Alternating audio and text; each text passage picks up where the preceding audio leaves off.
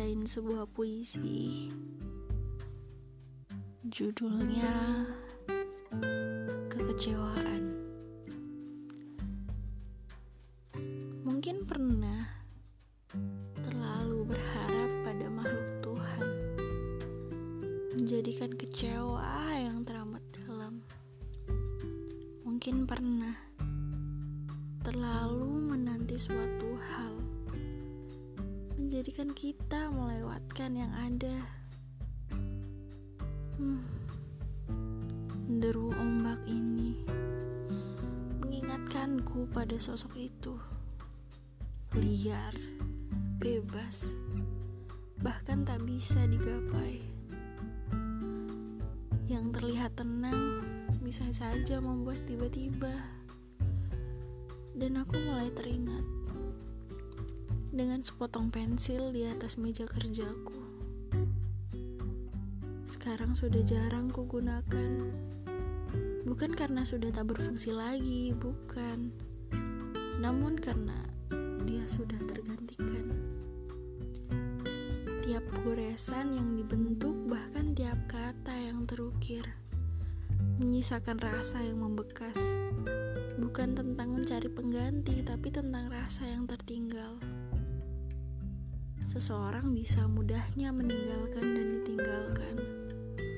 Dan kala itu terdengar jelas suaramu. Aku pamit dan pesanku jaga dirimu baik-baik. Sangat bodoh. Teramat sangat kecewa. Kekecewaan yang sedari awal lahir dari harapan-harapan yang kuciptakan sendiri hingga kini harus kurasakan sendiri. Kekecewaan dalam sepi, dalam sendu, dalam rindu yang entah harus berpulang pada siapa.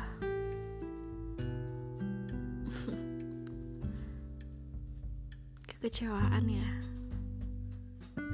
Hmm, kecewa memang gak enak.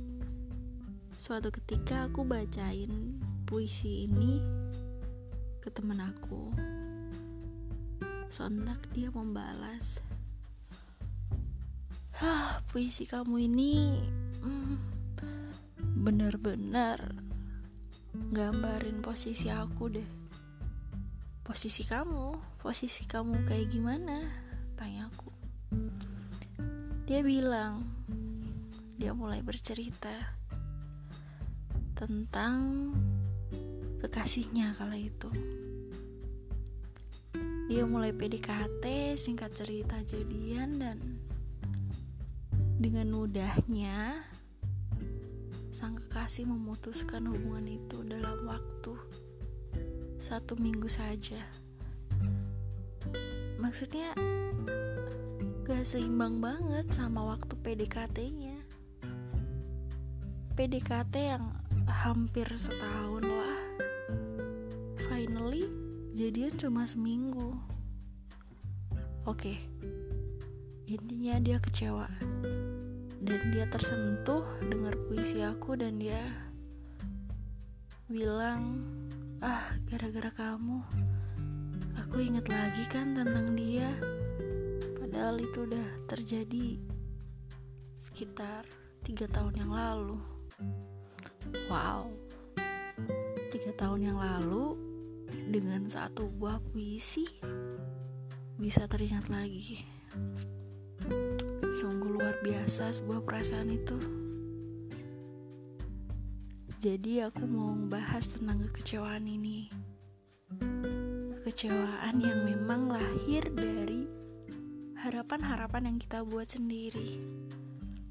Harapan yang kita bangun yang kita ekspektasikan bahwa dia bakal terus jadi pasangan kita.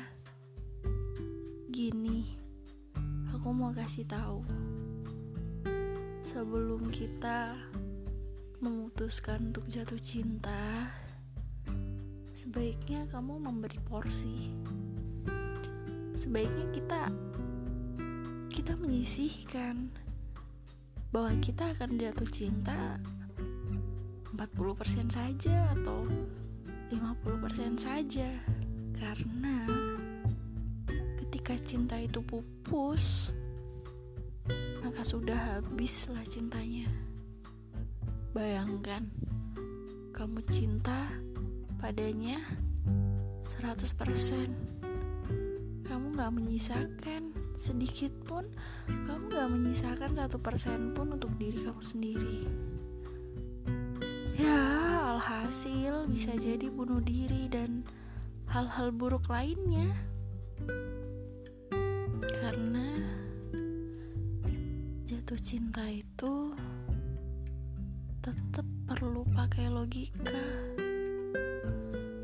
Jatuh cinta pakai perasaan, logika untuk mengendalikan, mengendalikan sebagai sebagai pembatas mungkin, pembatas bagaimana sebaiknya kita berbuat. Jangan 100% jatuh cinta sama orang. Terus nanti kalau dia pergi, kita siapa yang cintain? Kan gak ada ya mungkin segini aja ya bahas tentang kekecewaannya mungkin bakal ada topik-topik lain yang bahas nanti di lain waktu. See you.